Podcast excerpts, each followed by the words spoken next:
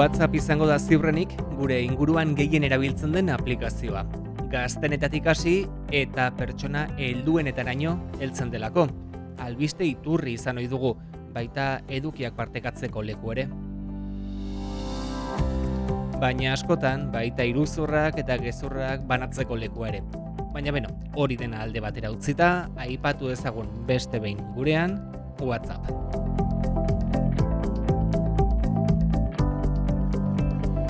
Gaurkoan bi albiste ditugu mezularitza zerbitzuaren inguruan.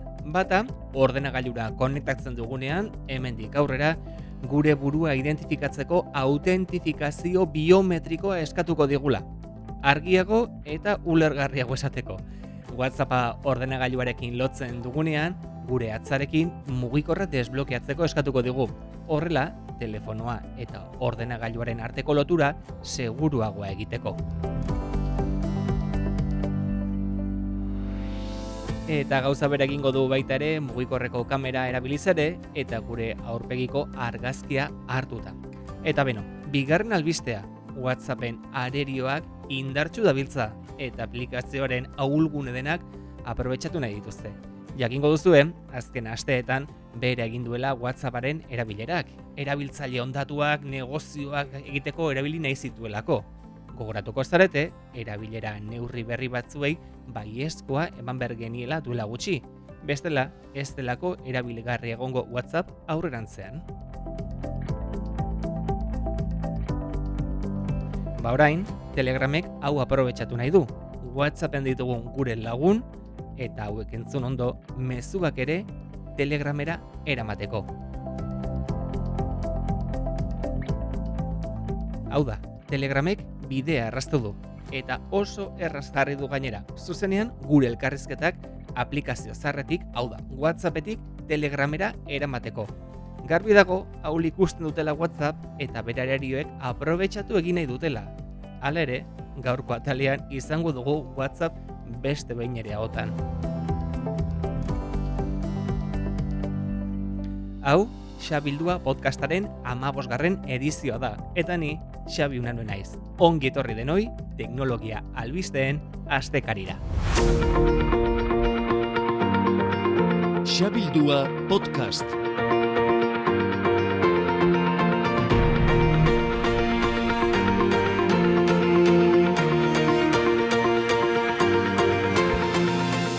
Kaixo denoi, eta WhatsApp aipatu dugula, guazten bere enpresa nagusia zitz egitera.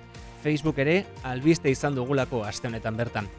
2000 eta emeretziko abuztutik Facebookeko zure pasaitzak edo segurtasun neurriak ez dituzula aldatu? Ba, araztu bat duzu, zure datuak filtratu egin direlako.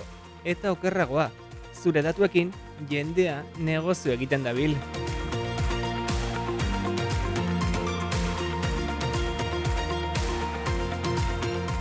Astonetan bertan jakin dugu, bosteun milioi erabiltzailaren datuak eskuratu dituztela. Telegramek salgai jarra dituzte gainera. Profil bakoitzaren informazioa eta telefono zenbakia gainera, hogei dolarren truke saltzen dira.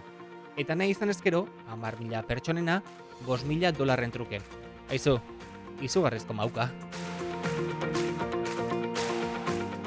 Baina praktikoki begiratuta.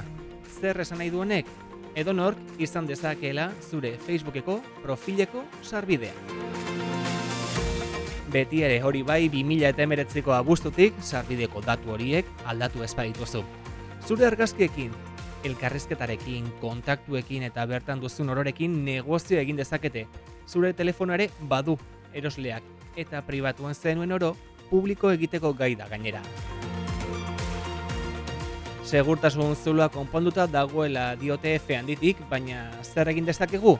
Beno, ba, datua filtratu dira. Beraz, jarri dezagun zailagoa behintzat bertako sarbidea. Aldatu pasaitza eta hortik aurrera begiratzen joan zure profiletik zerbait arraro egiten ari diren edo norbaitekin kontaktuan jarri diren. Eta azken alternatiba bezala, profila borratzeko aukera dago. Zure esku, zure datuekin zer egiten duten zure bizitza digitala ba bestea garrantzitsua baita. Eta ziber segurtasuna izpide hartuta, azken urteotako malwareik arriskutsuenetako bat guztiz desaktibatu berri dutela albiste da gaur. Azken amar urteetan, sarean bueltaka ibili den emotet programa deskonektatu egin baitute, alaxe eman dute jakitera.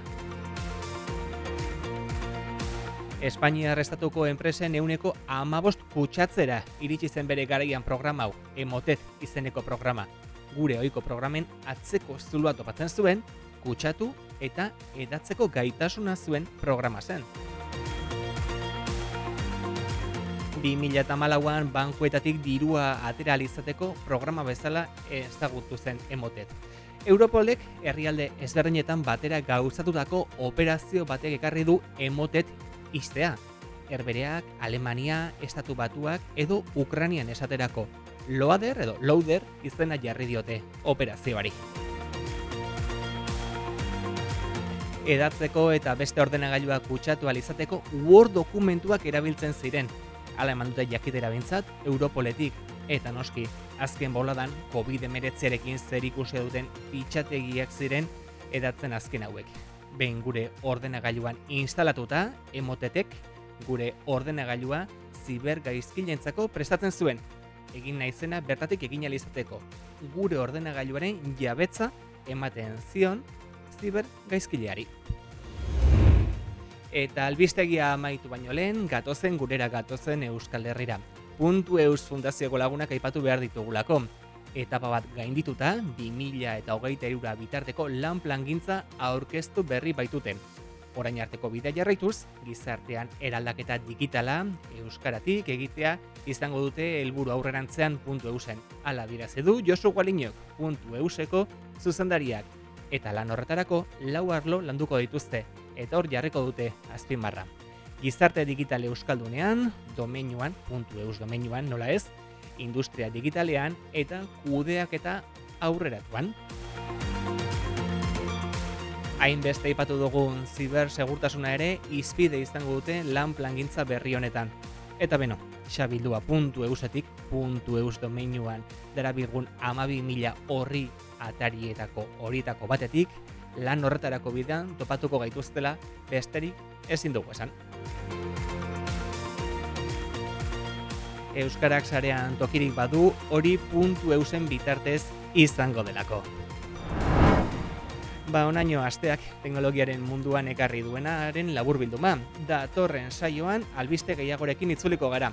Baina bitartean, albiste gehiago nahi baditu zuen, esan bezala, xabildua.eus atarian topatuko gaitu zuen eta podcasta errepikatu edo saio zarren bat gogora ekarri nahi baduzue, podcast zerbitzu nagusetan ikusiko gara. Spotify, iBox, Apple eta Google Podcast eta aurrerantzean balea fanken ere aurkituko gaituzue. Ba esan dakoa, datorren astean, albiste eta informazio gehiago xabilduaren edizio berri batean. Ordur arte, aio, eta ongi bizi!